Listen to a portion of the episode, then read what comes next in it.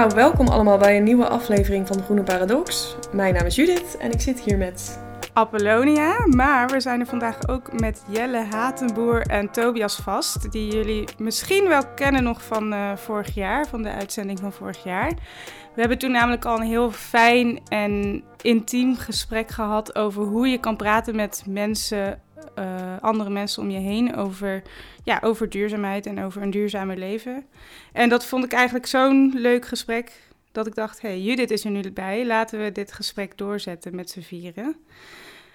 En er is natuurlijk een jaar voorbij gegaan, dus we zijn ook heel benieuwd van uh, wat zijn de nieuwe ontwikkelingen.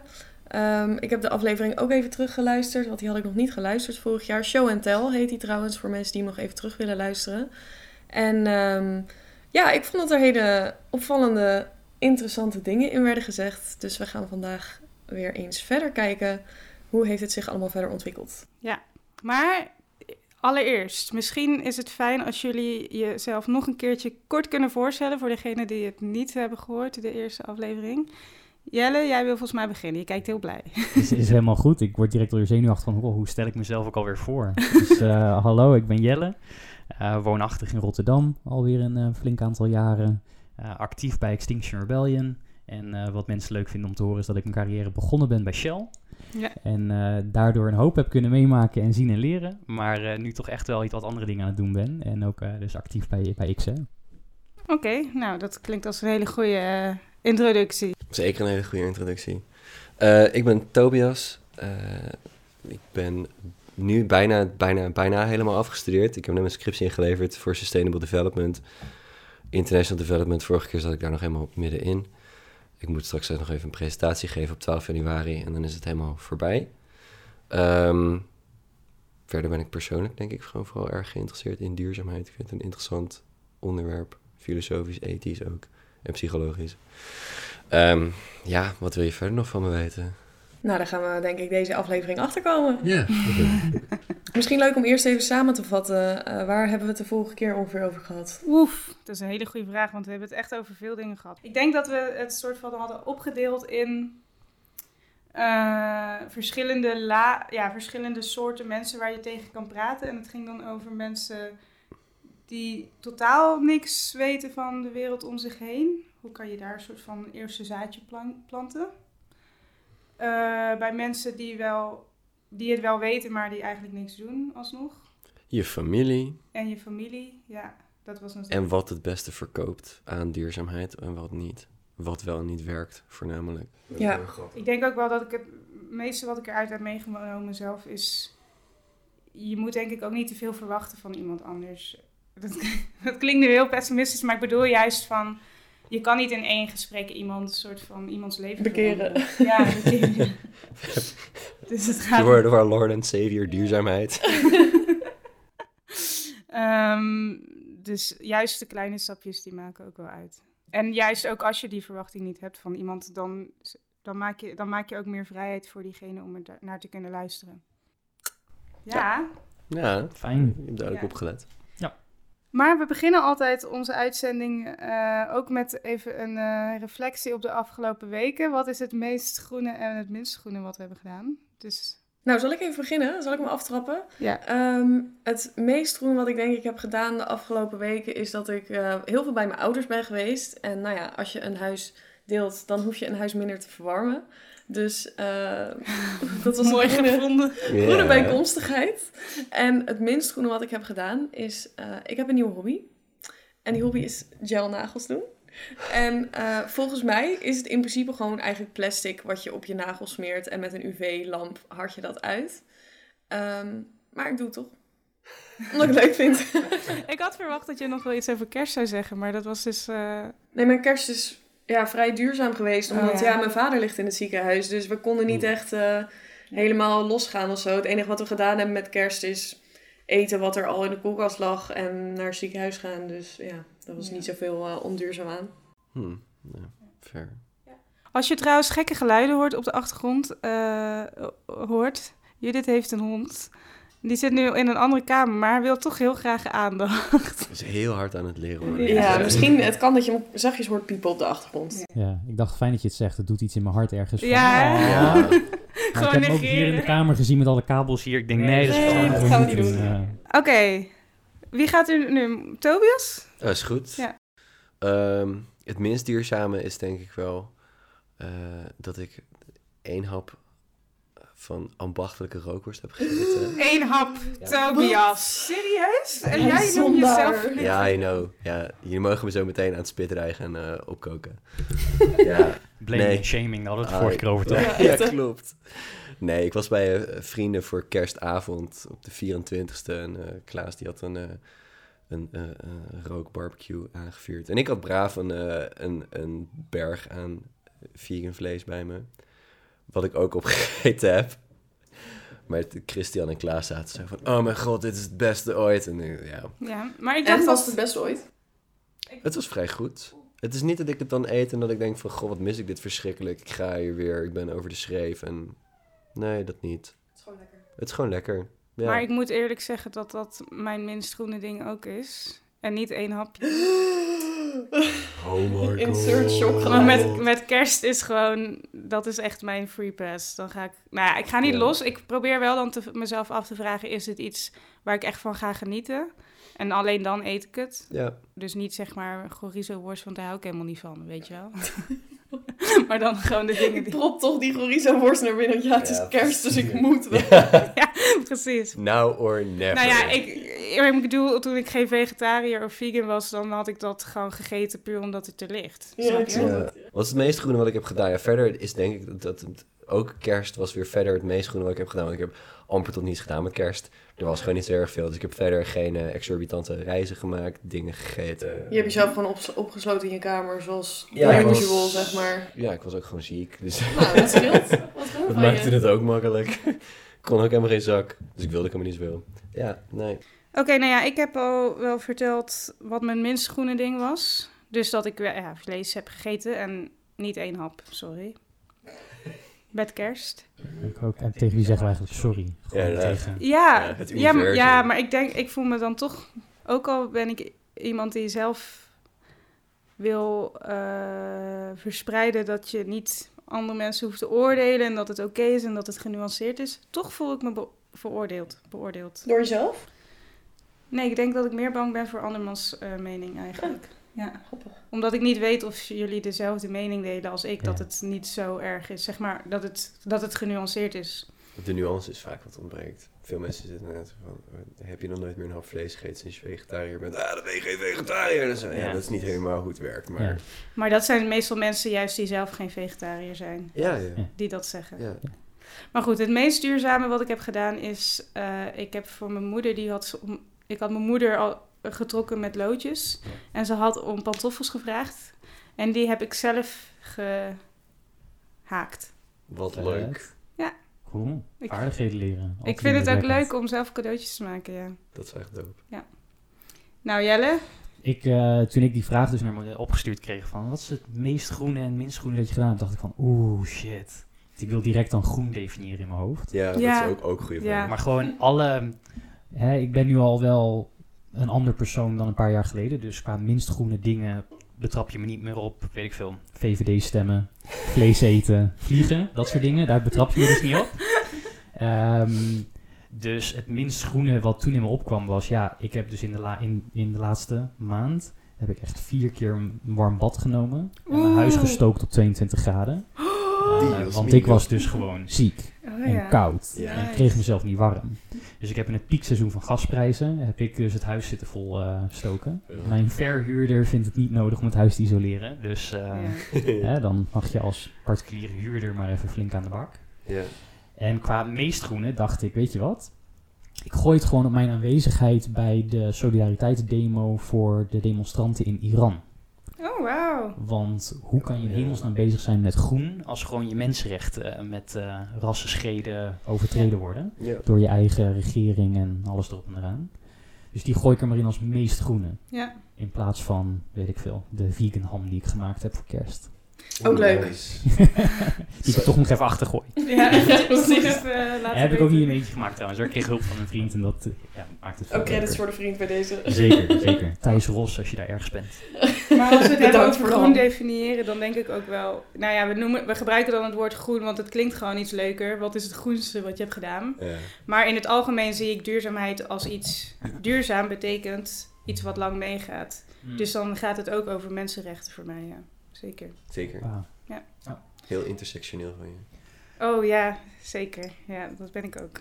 Dacht En ik. eh, voor, ik, dacht, ik dacht ook, zodra dit eigenlijk begon bij blaming en shaming van één hapje vlees en meerdere hapjes vlees, moest ik ook gelijk denken aan eh nou, vorige uitzending, maar ook Ja. het interview met Katja Herbers, wat in de NRC stond eh, vorige week. Katja Herbers is een actrice, ook actief bij Extinction Rebellion. En die schreef in haar interview, praten ze over, ja, ik ben actrice, ik doe nu een, een serie in Amerika. Ik vlieg dus twee keer in het jaar naar Amerika. Mm. En dat kon ze eigenlijk gelukkig een stukje nuanceren. Want je zegt al, de nuance ontbreekt soms. En ze kon het dus eindelijk een beetje nuanceren. Maar dan nog, eh, op Twitter ging natuurlijk een grote groep, ehm, nou, de luidruchtige minderheid ging even los op het feit van, ja, maar hoe durf je? Ja. Ja. Dat is dus het hele punt van, ja, dat maakt echt niet uit. We moeten allemaal het systeem omgooien. Dus gun jezelf Ja. die paar happen, gun jezelf wat nodig is. En Precies. Ja. Ja. nou ja, dat, eh, ik gok dat wij met z'n vieren onze We are our own worst critics. Je anderen gun je het, maar dan als je het jezelf aankijkt, is het plotseling veel moeilijker om je te gunnen. Dus, Ja. eh, En dat is ook iets waar we het vandaag over gaan hebben, denk ik. Over ehm, wat is onze verantwoordelijkheid als consument en wat eh, ligt eigenlijk buiten onze macht. Ehm, misschien leuk om daarmee af te trappen of eh, loop ik dan te hard van stapel? Nou ja, ik vroeg me sowieso af, want we hebben allemaal de eh, aflevering teruggeluisterd.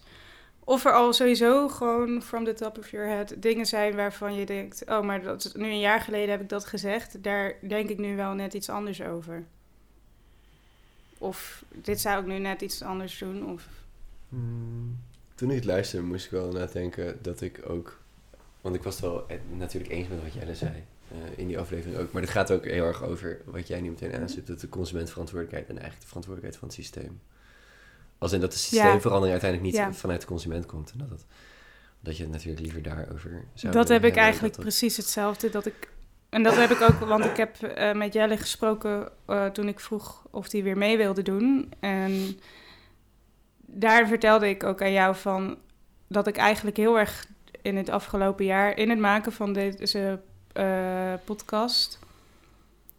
Ja, bij, bij elke aflevering die we maken, kom ik er steeds meer achter. Oh, waarom maak ik dit eigenlijk? Want ik, het insteek van de podcast is heel erg Wat kan je zelf doen? ja, wat het voor de consument. Ja, Terwijl ik te- steeds meer eigenlijk als conclusie eruit haal. Ja, Het is eigenlijk maar een druppel op een gloeiende plaat. precies. En wij doen eigenlijk al heel veel. En het is gewoon echt tijd dat de overheid actie gaat Mhm. ondernemen. ja.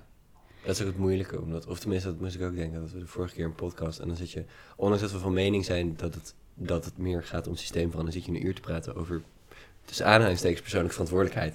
Dus je creëert Ja. daarmee alsnog...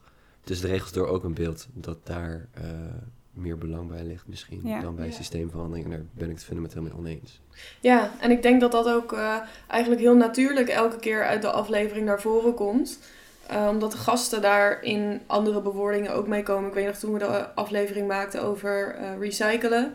Dat, ehm, dat een van de gasten ook aangaf van...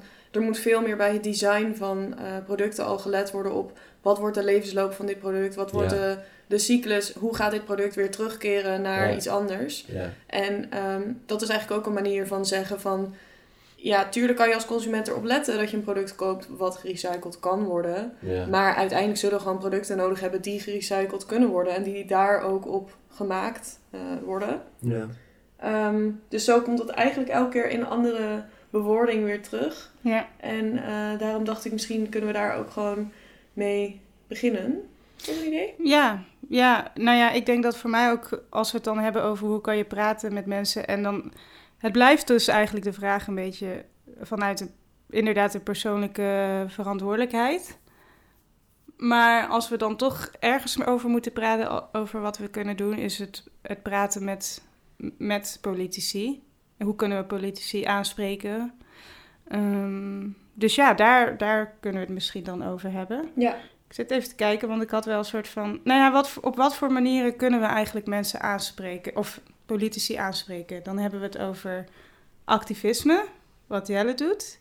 Eh, ik dacht al toen ik de aflevering terugluisterde zelf ook aan burgerberaad. En toen begon je er zelf nog later over. Toen dacht ik, oh ja, yes, goed zo. Ehm, ja, wat, wat voor manieren zijn er eigenlijk verder om politici aan te spreken? Ja, een, ehm, een hele hoop. En ook, je zegt al, ik doe aan activisme. Nou, duizend en één vormen van activisme natuurlijk. Ehm, en ja, je kan, je kan hier alle kanten mee op. Je kan eigenlijk gaan bekijken hoe moeilijk is het in Nederland om met je politici te praten. Um, want dat is veel moeilijker geworden in de laatste paar uh, decennia. Dus, um, nou, hoe ging dat vroeger, weet je dat? Nou ja, uh, ik heb geen historie bestudeerd over politiek in Nederland. Wat mij gewoon opvalt is dat mensen steeds minder betrokken raken met politiek tegenwoordig versus vroeger. Hmm. En voor mij is een eikpunt dat hier in Rotterdam is bij de laatste gemeenteraadsverkiezingen zijn 61% van de mensen die konden stemmen, zijn niet gaan stemmen. Hmm. In deze wijk uh, waar ik woon, oud matenesse was echt een van de laagste opkomsten. Volgens mij was het 23% die is gaan stemmen hier. Ja, ja. Hmm. Dus dat is meer een soort eikpunt van, oké, nou in deze wijk dan 77% die zegt, laat maar. Um, wat al helemaal um, ja, triest is eigenlijk, omdat het dan al op heel veel andere punten mis is gegaan. En dan is één keer in de vier jaar stemmen, is al niet meer het gesprek dat je wil hebben met je politici. Maar eventjes ter verduidelijking, dit gaat wel over lokale politiek, toch? Ja. ja. Ik denk dat um, sowieso, ik denk wel dat het heel belangrijk is om ook lokaal te stemmen. Maar ik denk wel dat dat sneller over het hoofd wordt gezien dan, in, uh, dan nationale ja. verkiezingen. Klopt. Daar zit ook alweer zo'n punt van, waarom is dat? Omdat als je het met name over nou, de, de klimaatopwarming hebt en de uitstoot van broeikasgassen, dan is de gemeente Rotterdam is verantwoordelijk voor de haven van Rotterdam. Hmm. De haven van Rotterdam is een vijfde van de uitstoot van heel Nederland. Wow, dat is insane. Daar, dat daarmee, is echt insane. Daarmee is Rotterdam wel een uitschieter qua de invloed die een gemeente heeft op het landelijke uitstoot. Maar gemiddeld heeft een gemeente bepaalt de gemeente wat er met een kwart van de uitstoot van die gemeente gebeurt. Dus voor de klimaatcrisis staat er ook wel iets op het spel. Ja. En, en ergens is dat dus nog steeds niet genoeg um, voor mensen om, om te gaan stemmen. Maar ja, uh, ja, los daarvan, stemmen is een van de honderd manieren waarop je weer in contact kan komen met politici. Dus. Misschien wel stap één zelfs. Want ik, ik kan me voorstellen dat dat de meest toegankelijke manier is van invloed uitoefenen op de politiek. Dat is denk ik in ieder geval de meest bekende manier ja. voor mensen. Ik zou ook niet zo... En ook de makkelijkste tussen ja, aanhalingstekens. Kost, kost de minst uh, moeite, denk ik. Want ja. Je hoeft...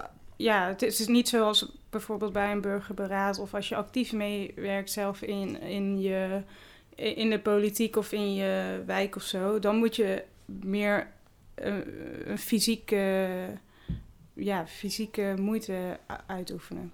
Ja. En meer energie en tijd erin steken. Ja. ja. Ja, maar als jouw wijkraadslid in jouw straat woont, um, dan is het makkelijker dan stemmen.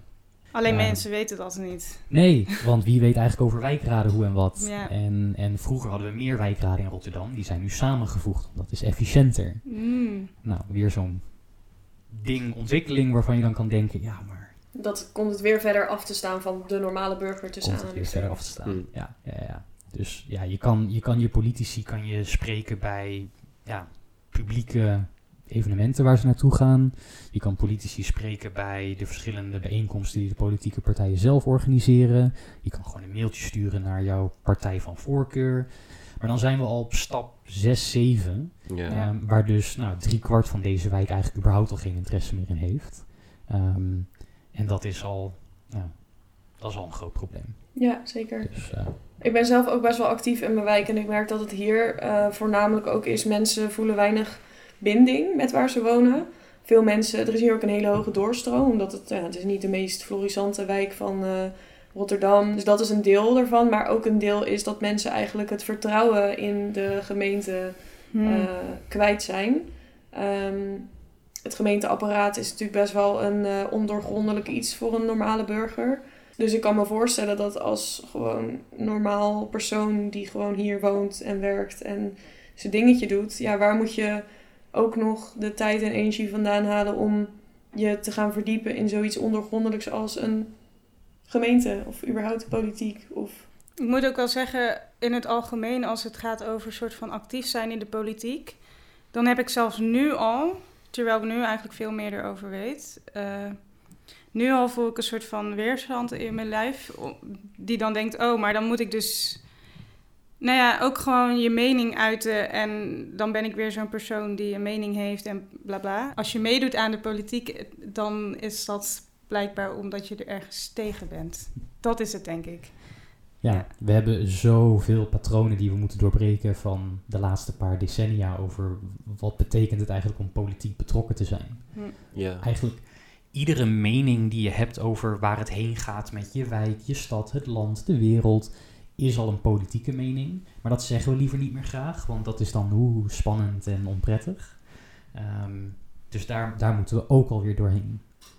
En, en ik ben eigenlijk al heel blij. Ik was echt nou, een klein beetje emotioneel toen ik het berichtje van Appie kreeg over waar jullie stonden in jullie gesprek met elkaar. En het idee van misschien is ons gesprek over wat we als consument kunnen doen wel afgelopen nu. Misschien is ons gesprek nu, moet het gaan over wat kunnen we met politici. Hm. Ik dacht van ja, yes, yes. Dat is de ontwikkeling die ik dus ook doormaakte en wat me zo ja, in het activisme drijft. En dat is al hartstikke mooi. En dat kostte altijd. En nu hebben we nog de weg te gaan van, oké, en hoe dan? Ja, Ehm, omdat je nu dus voor het eerst begint te merken van, oh ja, dit voelt ergens niet fijn. En hier zit een grotere barrière. En dan is het kopen van een katoenen broodzak om je brood niet meer in plastic te halen, is ah, wat makkelijker. Sneller Ja. resultaat. Ja, eh, wat bevredigender. zeker weten. Dus hier zitten, ja, allemaal uitdagingen ook weer in. Ja. En Tobias, hoe zie jij dat? Zit jij ook in dat proces die kant op? Of denk je nog van, nou, ik doe eh, mijn eigen dingetje en... eh, Oh, ik weet niet, misschien ben ik alweer... Nee, dat, nou, dat klinkt misschien heel pretentieus, maar misschien ben ik alweer voorbij. Eh, ik denk dat, nou ja, nee, het, ik zat er net over na te denken terwijl we het hierover hadden, maar... eh, nou, zonder meteen heel te, te reductief te worden, wat de neiging natuurlijk ook wel is, denk ik wel ook dat politici zijn ook heel erg leuk, maar onder politici drijft een ander systeem waarin we... eh, maar, overheden zijn ook afhankelijk van bepaalde dingen. En in dit geval gaat het wel vaak over geld. Eh, en ik denk, en dat heb ik in de vorige podcast ook al aangestipt, maar dat een nog veel groter drijvend probleem is, is dat we een systeem op een bepaalde manier ingericht hebben waarin het juiste, tussen aanhalingstekens, eh, doen niet eh, winstgevend is. En Hmm. eh, ik denk dat dat uiteindelijk is waar we tegen vechten. Niet eens zozeer dat, dat politici ergens zin in hebben of niet. Zeg maar, als Ja. er dikke stacks te verdienen vielen met al die windmolens, dan kwamen om in de windmolenparken. Dat is gewoon een, een heel opzichtig feit dat dat zo is. Dat, Ja. er, er valt weinig op aan te vechten. Maar denk je, waar denk je dan dat dat kan veranderen? Ja, wat gaan we daarin Eh, doen? ja, dat gaat, da- da- Maar, en dan eh, kom je inderdaad denk ik wel weer terug, eh, gedeeltelijk bij de politiek. Omdat Ja. die in principe wel die macht hebben Ja. om dat te veranderen. Dus ik, ik weet het niet, of ik zit al heel lang dat ik hierover nadenk. dat ik al, eh, nee, ik weet al lang dat het niet persoonlijke verantwoordelijkheid is die iets gaat fixen. Ik bedoel, het is leuk minder vliegen en zo. Eh, Ja. maar je hoopt eigenlijk meer dat je daar weer mensen aanzet tot idealisme nastreven. Niet zozeer tot eh, dat ze alleen maar nieuwe broodzakken, Ja. zoals Jelle aangeeft, zouden gaan gebruiken. Je hebt iets meer nodig. Ehm, maar dat vind ik eigenlijk de interessantste vraag. Van hoe, hoe voor, bewerkstellig je de systeemverandering? En dat, dat is dus nog een laag dieper dan politieke verandering, eigenlijk. Maar, het moet- ja. maar het, het haakt in op de politiek. Want de politiek heeft in principe de kracht en de mogelijkheden om dit te doen. Precies. Consumenten kunnen ook, denk ik, nog wel veel meer doen. Maar het wordt ons ook niet makkelijk gemaakt of aantrekkelijk. Eh, en daarin heeft de, de overheid dus de macht. Dus bijvoorbeeld hetzelfde is met eh, vliegen. Wat denk ik wel een van de grootste dingen is die impact, impact kan maken. Ja, tuurlijk kan heel de wereld nu zeggen... Oh, we gaan eh, niet meer vliegen. Maar dat doen we niet, omdat het toch nog steeds veel goedkoper is... dan bijvoorbeeld met de trein gaan. Dus het is, het is natuurlijk het normatieve en wat, ge- wat er in de praktijk gebeurt. En daarin heeft de overheid denk ik toch wel de meeste, ja, de meeste invloed. Ja, ja we, we bouwen eigenlijk nog steeds voort op de afspraak die we met elkaar gemaakt hebben. Dat de politiek bepaalt, onze overheid heeft van ons de macht gekregen om de regels op te stellen. Dat is weer die ongeschreven afspraak die wij hebben met de overheid. De overheid maakt regels die ons veilig houden. En daarom houden wij ons aan die regels, want die houden ons veilig. Mhm. Dus de overheid heeft daar ook geld voor nodig, nou, dus betalen wij belastingen. Mhm. Maar als de overheid die afspraken niet meer nakomt, ehm, ja, dan houdt ergens dat, dat, dat op. En dan nou, kan je aan vreedzame burgerlijke ongehoorzaamheid eh, beginnen. Maar ik ken nog heel goed de gesprekken bij Shell zes jaar geleden. Dat men zei, ja, ehm, wij kunnen wel meer doen, maar dan hebben we wel een overheid nodig die wat betere regels maakt. Dan hebben we wel klanten nodig die wat meer geld willen uitgeven aan onze nieuwe producten. En dan zegt de overheid, ja, wij kunnen pas regels maken als we weten waar de bedrijven eigenlijk heen willen en hoe snel ze dat willen gaan doen. En dan hebben we wel mensen nodig die gaan stemmen op ons als wij die plannen gaan maken. En de consument zegt, ja, ik kan niet alles. Ik heb een bedrijf nodig dat een beetje een betaalbaar nieuw product maakt. En de overheid die mij dan daarin mee kan nemen. En dan, nou, ik weet niet of jullie die meme kennen waar drie Spider-Mans naar elkaar wijzen. Van, hé, hey, Ja. ehm, zo voelde dit dus heel erg. Ja. En je, je hebt dus eigenlijk iemand nodig, en heel veel mensen eigenlijk nodig, die, die kunnen verder kijken dan hun neus lang is. Ja, maar goed, als, ik dan, ehm, als je dan zegt van we hebben mensen nodig die verder kunnen kijken dan hun neus lang is, dan denk ik in mijn hoofd toch weer, ja, eh, ligt het aan mij of zou dat dan niet toch gewoon de politiek moeten zijn? Omdat zij, eh, zij leiden in principe ons land, hoe je het ook wendt of keert.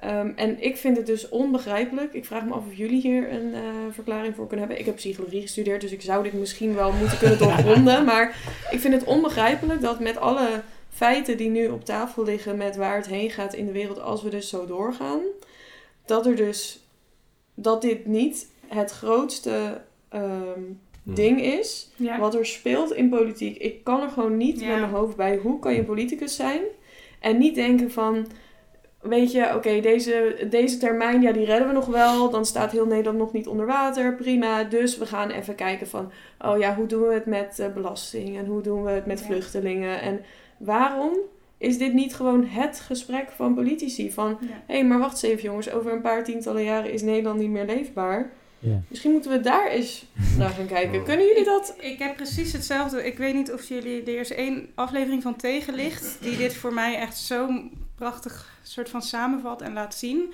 Want daar vergelijken ze de coronacrisis met de klimaatcrisis... en hoe snel de overheid heeft gehandeld voor eh, covid-maatregelen. Hij heeft XR ook heel veel posters van gemaakt. Ja. Oh ja. Eh, in vergelijking dus met hoe snel we handelen over het klimaat. En ja, Dat is echt schrijnend. en dan nu ook weer hetzelfde. De reden dat we nu weer overgaan naar eh, meer hernieuwbare energie is niet o- het klimaat. Dat is voor een, een oorlog in eh, Oekraïne. Ja. Wat hebben wij nodig om, om, om aangespoord te worden? En daar, Ja, ja, maar Daarin zie je de kracht van het geld en geopolitiek ja, ten opzichte van wetenschappelijke feiten. maar en dat, dus ons gebrek aan capaciteit om de toekomst te realiseren. Of te realiseren waar we heen gaan. ja. Ik. Ja. Maar waarom is dit? Kunnen jullie, de- kunnen jullie mij hiermee helpen om dit te begrijpen? Ik zie Jelle Ik heb er ideeën over, maar Jelle knikt enthousiaster. ja, nee, ik denk, ja, je merkt wel aan me hoe ehm, fijn ik het vind dat mensen zelf dit onderwerp uitkomen. Dat jullie zelf deze vragen stellen. Want dan is er ruimte om, om het hierover te hebben. Mm. Ehm, ja, en over COVID en klimaat. Ik- XR had, inderdaad, ik, XR had inderdaad een leuke poster. Als anderhalve meter kan, anderhalve graad toch ook? Ja, en als de overheid toch eens zo goed zou luisteren naar klimaatwetenschappers als dat ze luisteren naar epidemiologen. Die ik ook. Ja. ja, ja, ja. Dan, dan hadden we ja, een hoop kunnen fixen. Ja. Nee, ik had me dit dus ook afgevraagd. Van, we gingen eigenlijk op zoek van... Voor mij begon het een beetje bij het Nederlands parlement... waar dan de landelijke beslissingen gemaakt worden. En dan blijkt eigenlijk dat de, de manier waarop wij het parlement georganiseerd hebben... ehm, is niet behulpzaam voor het hebben van goede gesprekken met elkaar. Dus wij hebben eigenlijk een parlement gemaakt. Nou, parlement zijn, is die plek waar 150 stoelen zitten... en waar alle Tweede Kamerleden zitten. En nou, dat is die plek in Den Haag. En die is eigenlijk zo opgezet, de structuren van hoe mensen daar met elkaar praten, hoe het, hoe het werkt dat je nieuwe wetten voorstelt, hoe je debatteert met elkaar, dat werkt eigenlijk conflict in de hand. Mhm. Dus mensen kunnen eigenlijk niet meer de tijd nemen om een, een, een goed gesprek met context te hebben met elkaar, maar men zit al gewoon qua ruimte bijvoorbeeld, zit ze al tegenover elkaar. En links en rechts zitten tegenover elkaar Mm, in de Kamer. ja. En de Kamervoorzitter heeft allemaal middelen om het gesprek ook kort te houden en af te, af te ronden en bla bla bla.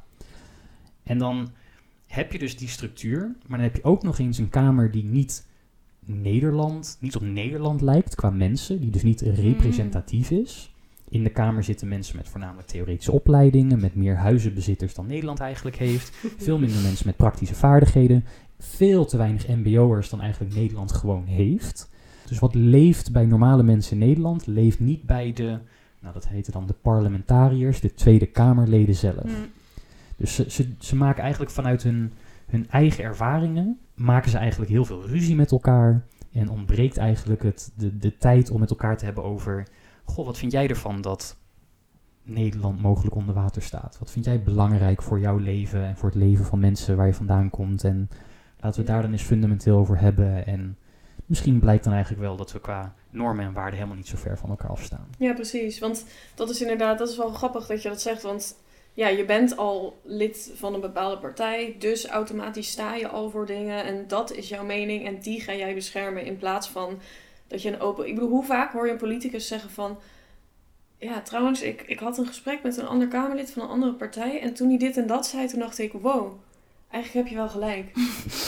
Ja. Ja, dat heb ik nog nooit. Ik bedoel, en Ja. dat is ook typisch, dat weet ik dan wel weer uit de psychologie. Dat is heel typisch van je kiest eerst waar je voor staat en dan ga je een argumentatie ervoor bedenken. Ja. In plaats van heel veel mensen missen misschien de energie of de, eh, de eh, ja, misschien de wil ook wel om zo open te zijn.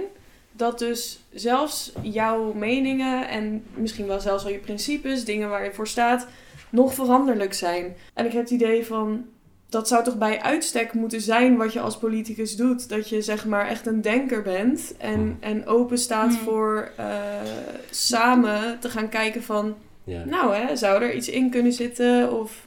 ja. Maar dat denk, is er eigenlijk denk niet. je niet dat politici daarin ook een soort druk voelen van... ik heb me aangesloten bij deze partij en mensen stemmen op deze partij en op mij ook... maar dat ze daardoor misschien ook het idee hebben... ik mag niet van mening veranderen, want daar hebben mensen voor gestemd. Mhm. Ja, de politiek is misschien wat meer ontaard geraakt in die zin. Ja. En ik weet niet wanneer, want ik heb geen politicologie of historie gestudeerd. Dus ik weet hier eigenlijk niet genoeg van om iets over te Ja. zeggen. Maar ik heb wel eerder gelezen dat er... Vroeger was het eenvoudiger om in ieder geval een consensus politiek te hebben over... wat is het probleem? Mhm. En dat je dan nog kon eh, gaan debatteren over, Over wat de er een oplossing voor zou moeten zijn. Maar Ja. er is niet eens een consensus over dat klimaatverandering een probleem is. Er is ook geen consensus over dat corona een probleem Ja. is. Zeg maar, Klopt. dat is iets meer de eeuw eh, waar we dan op die manier in zitten. Ja. Ja. Dus we hebben geen gezamenlijk probleem ook meer. Zeg maar, iedereen leeft in zijn eigen bubbel en die wordt vrolijk drijvende gehouden door een ettelijke berg aan mechanismen, waaronder social media en internet en dat soort dingen. En waar jij het ook over hebt, Judith, is heel interessant omdat je dus aangeeft, en dat is nog een veel dieper liggend menselijk mechanisme. Je hebt het dan niet eens meer over politiek of over wetenschap, maar dan heb je het over dat mensen, wanneer ze zich ergens bij aansluiten of als ze zich aangevallen voelen, dat je dan een ego-reactie krijgt, waarbij Ja. dus ons ego primair reageert van, oh, we worden aangevallen, dus ik moet me nu verdedigen, Mhm. omdat ik anders misschien als eh, kwetsbaar of zwak overkom. Mhm. En ik denk tegelijkertijd ook dat, als ik erop door mag pakken, dat daar vind, de- zit denk ik ook een onderdeel van het antwoord op de vraag die je stelt. Waarom is dit niet belangrijk voor mensen? Je zou inderdaad zeggen vanuit, als iemand het, het, het laatste rapport van, eh, waarom ben ik de organisatie niet kwijt? IPCC? het IPCC zou lezen over de staat van de wereld. maar ik denk dat, dat als je dus dat eh, leest, dan zou je dus zeggen zo van, oh, nou, zou, iedereen zou moet, doordringd moeten zijn van de, ehm, de noodzaak van ditgene wat voor ons ligt. eh, wat er de aankomende ettelijke tientallen jaren zou moeten gebeuren enzovoorts. Politici en, en alle andere gedeeltes van de samenleving zouden dat allemaal moeten snappen. Maar het lijkt dus niet zo te zijn. En ik denk dat je daar dus nog aan een veel fundamenteler aspect van de menselijke psychologie komt. Dat als, zeg maar, er staan heel veel dingen in het rapport die heel erg zorgwekkend zouden moeten zijn. Mhm. Maar tegelijkertijd is het zo dat als ik uit mijn raam kijk, dan zie ik geen klimaatverandering. En Nee, als ik naar de supermarkt ga, dan is er geen klimaatverandering. En als ik aan de benzinepomp sta, is er ook geen klimaatverandering. Dan is er eerder een oorlog in Oekraïne die het heel erg duur maakt, maar niet klimaatverandering. Ja. Zeg maar, het is... En, en dat is denk ik een heel menselijk aspect, is dat we heel kinderlijk zijn en heel reactief in de manier waarop wij... eh, we zoeken pas een oplossing als er echt een probleem is. En het probleem wordt nu nog niet ervaren. Dat wordt eigenlijk geëxternaliseerd. Zeg maar, als je dicht bij de Evenaar woont, Ja, heb je ja. wel een klimaatveranderingsprobleem. Wij niet. Mhm. Ja. Ja. Ik denk dat je daar dus meer heel dicht bij het menselijk psychologisch ding is dat we moeten onze vaak, eigenlijk bijna altijd, volgens mij, weet ik dus niet zeker, want ik ben geen historiscus. Maar branden wij onze vingers aan de plaat en dan besluiten we het niet meer te doen. maar we maar- moeten eerst onze vingers aan de plaat branden. En dat hebben we in het, zeker in Nederland nog niet gedaan. Zeg maar, ons, ik denk dat wij klimaatverandering problematisch gaan vinden als de helft van onze verse groenten uit het schap verdwijnen omdat Spanje aan het verwoestijnen is. Ja. precies. Maar dit heeft ook te maken met wat Jelle op als eerste punt aangaf. Dus de structuur eigenlijk van eh, hoe onze politiek in elkaar zit. Want ik denk al, eh, eh, eh, alleen al het feit dat, ehm, eh, dat, dat er vier jaar tussen elke verkiezing zit, betekent dat er veel meer ook in die vier jaar wordt gekeken in plaats van Ja. op lange termijn. Ja. Absoluut. Ja, Want psychologisch kunnen we het wel. Ja, we kunnen het voelen, wel. voelen van iets wat over 100 jaar gaat gebeuren en daar emotioneel over zijn, kunnen we wel. ja, Maar dan moet je daar wel een omgeving voor creëren die dat mogelijk Precies. maakt. En dat is. In, in heel Nederland vind je maar heel zelden zo'n omgeving waar je de tijd krijgt en de informatie krijgt en de rust kan vinden om te voelen hoe het er misschien aan toe gaat over zoveel jaar. ja, je vindt het nergens, denk ik eigenlijk. Nee. Je kunt het wel faciliteren. Ja. Maar ik vroeg me ook af, hè, want we zijn al super lang aan het praten over het probleem. maar wat gaan we nou doen, jongens? Wat gaan Ja, ik we doen? zat ook al begon echt te kriebelen van oké, wat moeten we nu? Ja, en- maar kunnen we iets doen? Dat is natuurlijk ook een grote vraag. Maar, absoluut, Ja. absoluut. Oké, nou Jawel. bedankt Jelle. Ja. Ja. Oké, vertel.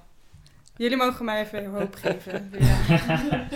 Je praat waarschijnlijk met een van, ja, gewoon in Nederland zijn er maar weinig mensen die zich hier nou, proactief in interesseren. Ehm, in mijn netwerk zitten twee Tweede Kamerleden bijvoorbeeld. Een vriendin van mij zit in een wijkraad in Rotterdam. Ik ben vaak bij raadscommissies in Rotterdam geweest. Bijna niemand in Rotterdam heeft zoveel contacten met gewoon politiek in het algemeen. ja. Dus ik moet erop voor letten dat ik het uitleg of voorstellen geef die nog niet, die niet Te 30 ver stappen nodig ja. hebben, maar waar je kan beginnen bijvoorbeeld. Ja. ja. Ehm, en ik vind het bijvoorbeeld heel fijn dat ik mensen gewoon kan aanbevelen van, joh, ik denk dat een burgerberaad hebben, een keer een goed burgerberaad hebben in je gemeente of in ons Wat land. is een burgerberaad? Heel, heel kort, een, een burgerberaad is eigenlijk ehm, burgers die onze politiek weer helpen met een probleem waar ze niet echt over uitkomen. En bijvoorbeeld, hoe pakken we in Nederland rechtvaardig de klimaatcrisis aan? Maar een burgerberaad is, is nog iets concreter eigenlijk. Gewoon eh, een steekproef in de gemeente. En dan worden er random mensen uitgekozen om bij elkaar te komen om over een probleem te praten. Ja. Dus eigenlijk eh, een onderdeel of een iets actievere vorm of toevoeging aan democratie is niet dat je alleen maar stemt, maar dat je ook echt in gesprek gaat. Dus eh, je, je, een, een, je selecteert op een willekeurige wijze 150 mensen, is een beetje ruwweg het nummer wat blijkt uit vorige burgerberaden. Wat dan 150 mensen? tussen de 100 en 150 mensen. Ehm, Ik dacht echt dat het veel kleiner zou zijn. Dat, Nou, de gemeente Rotterdam Ja. is 600.000 man, eh, mensen. Ehm, en je selecteert dus eigenlijk willekeurig, nodig je gewoon, weet ik veel, 40.000 mensen uit voor dit burgerberaad. En daar selecteer je dan 150 mensen uit die lijken op Rotterdam. Dus van jong tot oud, Ja. van praktisch opgeleid tot theoretisch opgeleid, met alle variaties die daar ook weer in zitten. Alle geloven, alle achtergronden. En met 150 kan je daar een goede groep van maken. En die groep mag zich dan buigen over een bepaalde hulpvraag. Die in dit geval dan de gemeenteraad aan ze stelt. Van wij komen er niet uit. Kunnen jullie ons helpen met de vraag: wat zijn dingen die Rotterdam kan doen om op een rechtvaardige manier de klimaatcrisis te stoppen? Ehm, en dan gaan die burgers gaan met elkaar in beraad. Gewoon met elkaar praten over: oké, wat, wat doen we daar dan mee? Nadat ze van experts gehoord hebben hoe de vork in de steel zit. Ja, want dat wilde ik eigenlijk vragen. We praten nu heel erg over een ideale situatie, ja, een textbook situation. Mhm. Ehm, wat zijn de resultaten hier over hoe dit in praktijk, hoe, hoe effectief dit is? Want jij zegt dus dat experts hun uitleggen. Eh, is dat altijd zo? Of moeten mensen ook zelf onderzoek doen? Want dat is eigenlijk denk ik zo een beetje de valkuil van... Of ja, een obstakel in democratie is dat heel veel mensen eigenlijk helemaal niet geïnformeerd zijn, terwijl dat wel een vereiste is. Ja. Ja, eh, dit is misschien het moment dat ik moet zeggen dat er een heel makkelijk handboekje is geschreven over burgerberaden. Het boek is Nu is het aan ons van Eva Rovers. Oh, dat boek. Dat is gewoon een heel fijn handboekje van 100, 150 pagina's met simpele tekst die gewoon uitlegt hoe dit allemaal werkt. Er zijn ook gewoon filmpjes nu al gemaakt door Extinction Rebellion. Er is een gids van Extinction Rebellion ook. En dat is, Dus dat, dat burgerberaad is voor mij gewoon een hele fijne houvast, omdat ik dat zie als een manier om dat systeem, hoe we de gemeenteraad georganiseerd hebben, hoe we het parlement georganiseerd hebben, wat niet uit dit soort lange termijn onderwerpen komt, dat zou met een burgerberaad wel kunnen. En dat laten al heel veel burgerberaden uit het verleden zien. De mensen die daarin zitten komen uiteindelijk met hele goede ideeën. Ze leren elkaar kennen. Ze leren mensen in de stad kennen die ze nooit, nooit eerder op een andere plek zouden leren kennen. En de voorstellen gaan veel verder dan waar gemeenteraadsleden mee komen. Die dus meer korte termijn ideeën bedenken. Waar zo'n burgerberaad echt bedenkt, dit gaan we op de lange termijn goed aanpakken. Ja. Ehm, maar dat is dan een, een, een voorstel. En dat moeten politici dan gaan invoeren. Want wij kunnen hier aan tafel wel vinden dat er een burgerberaad moet komen, maar wij hebben niet die macht in, in- Ja. op deze plek. Dat ligt in dit geval bij de gemeenteraad in Rotterdam.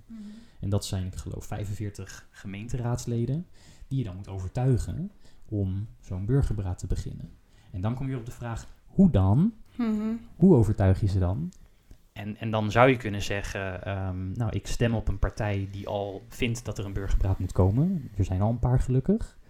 Ehm, maar dan kan je ook zeggen, joh, ik ga naar, mijn, naar de eerstvolgende openbare bijeenkomst van mijn wijkraad. Kan je googlen wijkraad en dan, hoe heet deze wijk, Judith? Oud-Matenesse. Oud-Matenesse. Nou, Oud-Matenesse heeft een wijkraad. Waarschijnlijk een wijkraad met meerdere wijken erin. Daar kan je dan gewoon een inspreekmoment hebben als bewoner van de wijk en vragen... Kunnen wij als wijkraad de gemeenteraad vertellen dat wij een burgerberaad willen over dit onderwerp?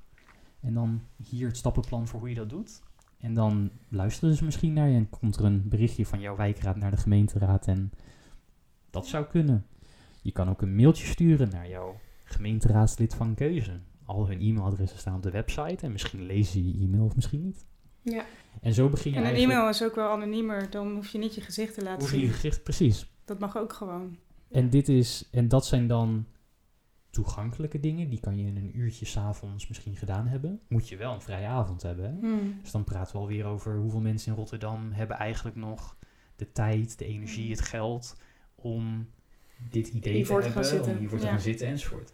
Dus dat is weer een hele andere kant van het verhaal. Maar onder andere is, is het activisme waar ik naar mee bezig ben, is ook hoe kan je mensen weer de vrijheid geven? Hoe kan je mensen hun tijd vrijmaken, zodat ze dit kunnen doen?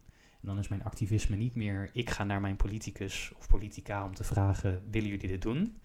Ehm, ik ga kijken hoe kan ik honderden, misschien wel duizenden mensen weer vrij spelen qua tijd, zodat zij zeggen, ja, ik wil dit ook. Waar ze normaal misschien niet eens zouden, niet meer bezig zouden zijn, omdat ze gewoon ja, van dag tot dag leven bijvoorbeeld. En wat vind jij, To? Ehm, even terugkomend op de vraag: wat kunnen en willen wij doen als burgers? Want ik weet, zeg maar, ehm, ja, wij doen ons dingetje, zeg maar, van we proberen weinig te vliegen, proberen zoveel mogelijk plantaardig te eten, dat soort dingen. Maar zijn er ook dingen, want het kan best wel verlammend zijn, vind ik in ieder geval, om dus over dit soort dingen na te denken en dan te denken, ja, maar het hele systeem klopt gewoon niet en bla bla bla. Nou, burgerberaden is dus een, eh, een suggestie. Zijn er nog dingen waarvan jij denkt van ja, dit is nou echt iets wat je kan doen? Wat ook iets uithaalt. Ik zat er ook over na te denken. Ik vind het ten eerste best een moeilijke vraag. Jelle is al veel dieper ingedoken in essentie in eh, meer praktische toepassingen van de dingen waar we het over hebben. Omdat ik natuurlijk gewoon leuk een opleidingje volg, maar dat eh, de wetenschap is een extreme ivoren toren in, in deze zin. Dat is juist het frustrerende denk ik aan wetenschappers zijn in het geheel, is dat, er, dat je allemaal dingen aan het publiceren bent over "Oeh, het gaat allemaal mis. En vervolgens doen ze er geen ruk aan. Ja. Ehm, wat ook wel leuk is, is dat de roep voor activisme vanuit de wetenschap steeds groter wordt. Hm. Wat gezien wordt als not done, omdat wetenschappers dus objectief en afstandelijk horen te zijn. En dat het bij dingen als het klimaat wordt die kennis dus zo dermate niet ter hart genomen dat dat steeds meer komt. Maar ik, ja, ik denk dat het een van mijn eerste dingen zou zijn, zeker als je er dus gefrustreerd of machteloos over voelt. Ik, ik denk dat een van de allereerste en de beste dingen die je zou kunnen doen, eh, is je dus aansluiten bij een activistische groep als een Extinction Rebellion. Want dat, die, die zijn al georganiseerd, die hebben toegang aan de politiek en die weten al langer waar ze mee bezig zijn. En die, ik bedoel... Dus ze je hoeft zijn niet een- opnieuw het wiel uit te vinden, zeg maar. Nee, precies. En ze zijn al een uitvloeisel van de frustratie die jij op dat moment voelt over dat het systeem niet functioneert. En daarom proberen ze zich ook, of banen ze zichzelf gedeeltelijk buiten het systeem. Wat denk ik best bevrijdend is op een bepaalde manier, omdat je frustratie is met het systeem. Dus neem er dan op die manier maar misschien gewoon niet meer deel aan. Ik, want ik, verder weet ik het ook niet, maar ik weet niet welke politie ik moet schrijven. Ik weet niet over mijn gemeenteberaad enzovoort. Op die manier ben ik denk ik meer een afgietsel van een cliché burger die dus niet weet wat hij zou moeten doen als hij iets zou willen doen. Ja. Dus ik, het allereerste wat ik zou zeggen is, eh, ga op zoek naar de lokale klimaatbewegingen. En Extinction Rebellion is een van de meest eenvoudige, meest zichtbare en absoluut ook goede. Uh, maar er zullen ook meer zijn. maar mag ik daarin, uh, daarover iets vragen aan jou, Jelle? Want dan hebben we dan natuurlijk gelijk over aansluiten bij een activistische groep, wat misschien voor veel mensen dus ook al too much klinkt. Maar betekent dat eigenlijk dat XR bijvoorbeeld alleen maar activistische dingen doet? Of uh, als in protesten op de straat gaan liggen? Wat zijn allemaal dingen die gebeuren bij XR? Misschien sowieso goed om heel even te vertellen wat Extinction Rebellion precies is. Want misschien weet niet iedereen dat. Ja, dus Extinction Rebellion is een, een groep mensen in Nederland die samen vinden dat het systeem moet veranderen. In het bijzonder om de klimaatcrisis en het verlies van biodiversiteit te stoppen op een rechtvaardige manier. En als beweging wordt er gezegd, in de laatste 30 jaar hebben wetenschappers zich al uitgesproken. De rapporten lagen er al. Politici luisterden niet. Nou, er zijn petities gemaakt om politici bepaalde dingen te laten doen. Er zijn um, lobbybijeenkomsten geweest. Je, je, gaat naar een gemeenteraad en je zegt, uh, je zegt wat je wil. Er zijn marsen georganiseerd en alles bij elkaar is het eindresultaat te weinig verandering. En bij Extinction Rebellion zeggen we dan dat je dan dus als burger ehm, de regels mag overtreden op een vreedzame manier, want de regels die de overheid voor jou maakt, beschermen jou niet meer. Onze toekomst is nu nog letterlijk onveilig op dit moment. En dan doet Extinction Rebellion dus aan vreedzame, ongehoorzame acties, waarbij er gezegd wordt, nou dan blokkeren we gewoon de gang van zaken, want de dagelijkse gang van zaken brengt ons naar de afgrond. En dat is inderdaad heel bevrijdend. En als je dat dan doet, dan blokkeer je bijvoorbeeld een, een, een, fabriek van fossiele brandstoffen bijvoorbeeld. En dan zeg je, wij gaan hier pas weg als deze eisen ingewilligd worden. En een van die eisen is dan dat er per direct een burgerberaad begint over hoe we rechtvaardig de klimaatcrisis aan gaan pakken. Maar je kan die burgerlijke ongehoorzaamheid op veel manieren inzetten. En er zijn heel veel goede redenen om nou ja, voor sociale rechten in Nederland in opstand te komen. En er zijn allerlei bewegingen die misschien nog net even wat beter aansluiten bij wat jij het meest belangrijk vindt. Ja. Ik denk dat het ook belangrijk is om te weten dat, dat je bij een Extinction Rebellion kunt gaan. Ik zit ook uh, erbij tussen aanhalingstekens, maar ik heb nog niet aan acties deelgenomen of iets dergelijks. Dus je kunt ook gewoon uh, erbij gaan zonder dat je jezelf meteen aan desbetreffende fabrieken vast gaat lijmen en dergelijke. Want dat is denk ik, dat is wel een groot stap voor mensen die ja. mogelijk nu luisteren of gewoon zeg maar, de gemiddelde persoon op straat heeft waarschijnlijk zoiets van, of heeft misschien zoiets van, ik vind er wel iets van, maar dat vind ik ook wel weer eng en dat gaat weer ver. En dat is natuurlijk gewoon hoe het werkt voor mensen. Ja. Dat, zijn wel, dat zijn stappen en dat zijn een hele hoop stappen achter elkaar. Ja, dus dat is ook niet het eerste wat je gaat doen. Nee, want jouw vraag was, ja, wat, wat kan je dan allemaal doen? Ja, want als het gaat over bijvoorbeeld, ik wil graag mijn uh, wijkraad of zo... Uh, hoe noem je dat? Benaderen. Benaderen. Um, maar ik weet niet zo goed waar ik moet beginnen. Zou ik dan ook bij XR kunnen aankloppen en zeggen: Ik wil daar hulp bij? Ja. Want is, is het protest jullie enige. Um, ja, ja. Enige wat jullie doen? Of zijn er nog meer dingen? Ja, wij zijn dus een, een beweging. Um, en als je, je kan je een beetje gaan nadenken over wat komt er allemaal bij een beweging kijken. Nou, een beweging moet bijvoorbeeld een plek hebben waar je leuke activiteiten organiseert. Um, dus als je heel erg van koken houdt, ben je ook hartstikke welkom. Omdat we wel eens een keer een avond bij elkaar willen komen om gewoon lekker te eten samen en verhalen uit te wisselen. En dan steun je ook al de beweging en kan je elkaar vragen stellen. En dus ook gewoon al het feit dat je mensen bij elkaar hebt die om hetzelfde, uh, ja, hetzelfde onderwerp geven. Ja. Ja. En je daaruit steun kan halen, dat is ook ja. een reden. We moeten er een beetje uitkomen dat dit allemaal op jou als individu aankomt. En de eerste keer dat ik bij XR kwam was nou, alweer drie jaar geleden. En dan ben je op een avond en dan merk je denk van... oh wacht, ik ben niet de enige die deze gevoelens heeft. En dat nou, voelt al heel erg fijn. Um, en ja, bij XR zit dan bijvoorbeeld ook een groep mensen die het, het interessant vindt om dat contact met politici te hebben om uit te leggen wie wij zijn als beweging. Nou, die hebben al lang een, een standaard brief geschreven voor wijkraden die jij dan als individu, als Apollonia, gewoon kan sturen naar jouw wijkraad. Ja. Ehm, en dat is ook wel een beetje de kracht van naar een beweging gaan als je zelf nog even niet goed weet hoe en wat. En dan ja, bij XR hoef je geen lid te zijn. Je, je bent gewoon, je zit bij de beweging. We hebben geen lidmaatschap of wat dan Mhm. ook. Als jij vindt dat de eisen van de beweging goed zijn en de principes van de beweging goed zijn en je houdt je daaraan, is iedereen welkom. Ehm, dus dat is ook een van die dingen die je kan proberen. Ehm, ja, we kunnen nu deze kant op. Ik heb namelijk, hier heb ik de vorige keer ook over gevraagd. En volgens mij ook bijna op het einde. Nu weer. Dus eigenlijk gaan we waarschijnlijk gewoon hetzelfde gesprek hebben. Maar Leuk. op welke manier eh, helpt. eh, nou ja, eh, kan je voorbeelden noemen van eh, wat XR eh ja, teweeg heeft gebracht door vreedzaam, eh, ongehoorzaam protest? Ja. ja, het is altijd heel moeilijk om een, een relatie aan te wijzen van dit is gebeurd op dag 1 en dus gebeurt op dag 3 dat. Ehm, dat. Dat beamen vaste wetenschappelijke mensen aan tafel eh, ook wel. Ja, een, een, een leuk voorbeeld was, ehm, ik zat een paar maanden geleden zeven uur lang vastgeketend onder een privéjet op Schiphol Airport. Ehm, en twee dagen later heeft de Amsterdamse gemeenteraad gezegd, wij willen onderzoeken of een verbod op privéjets mogelijk is.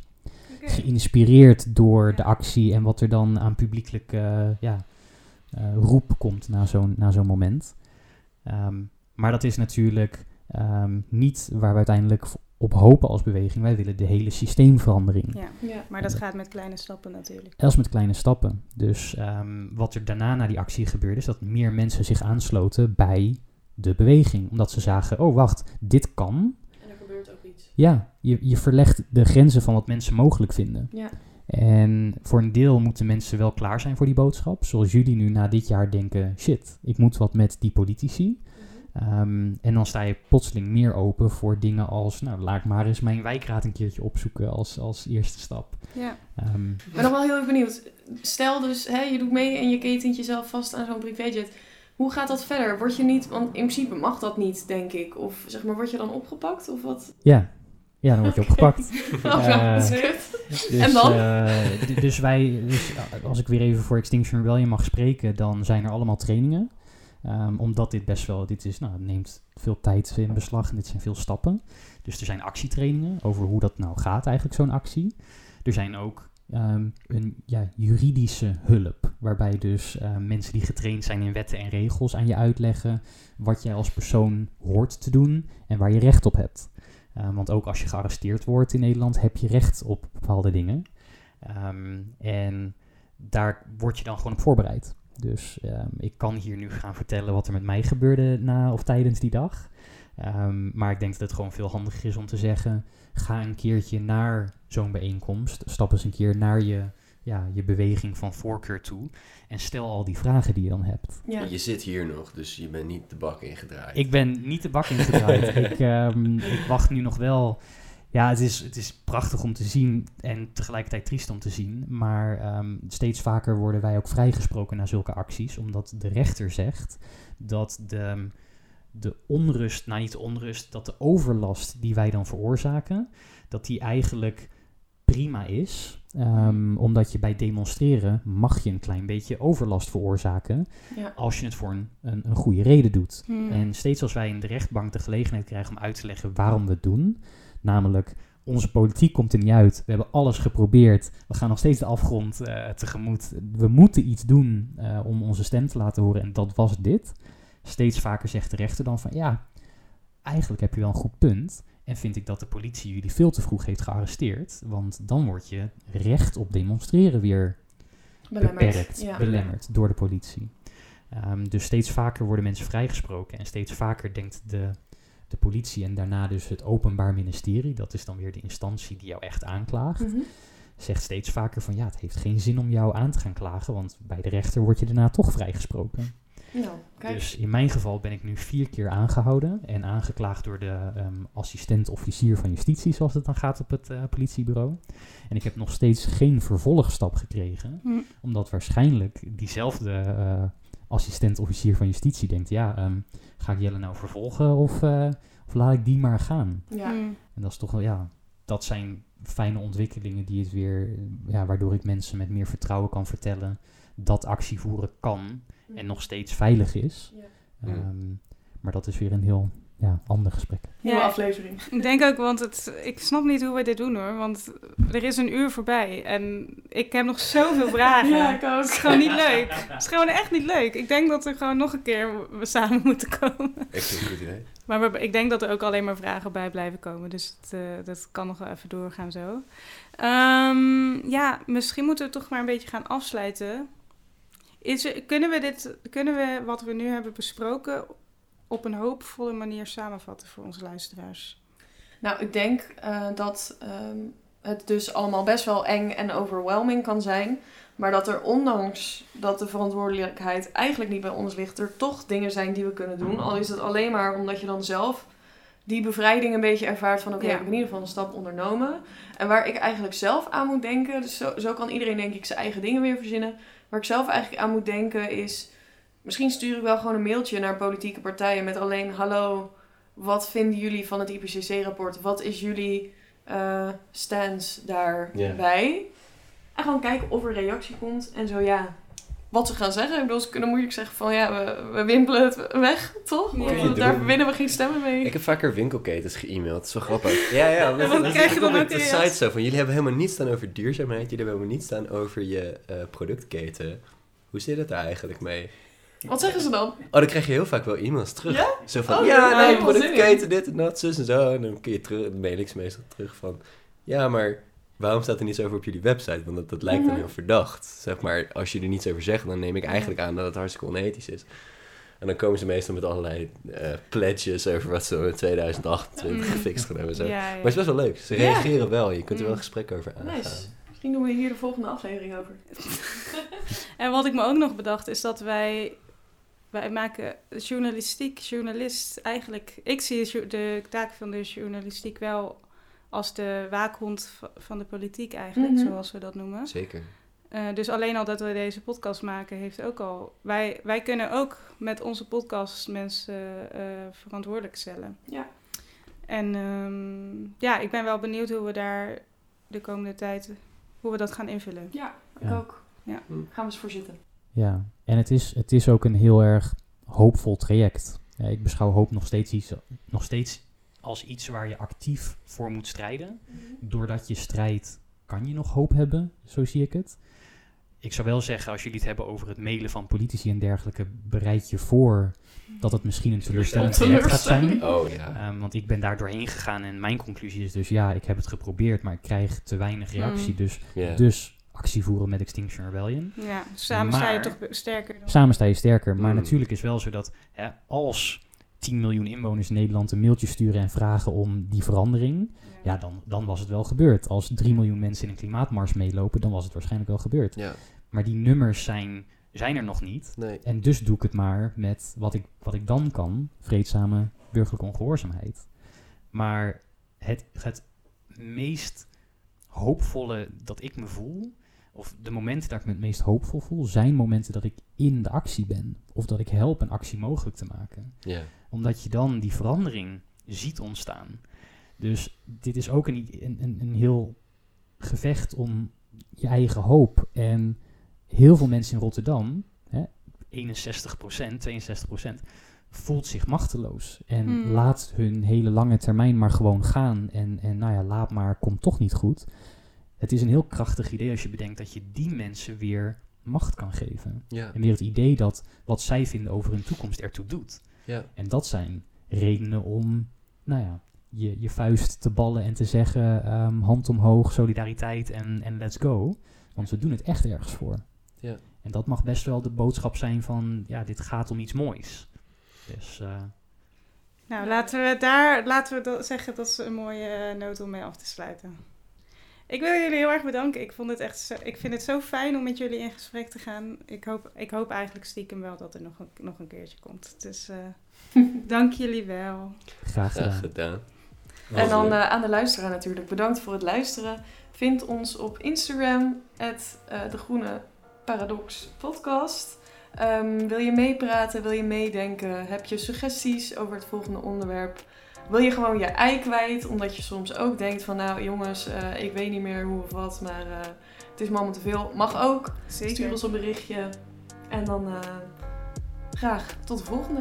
Tot de volgende. Doei doei.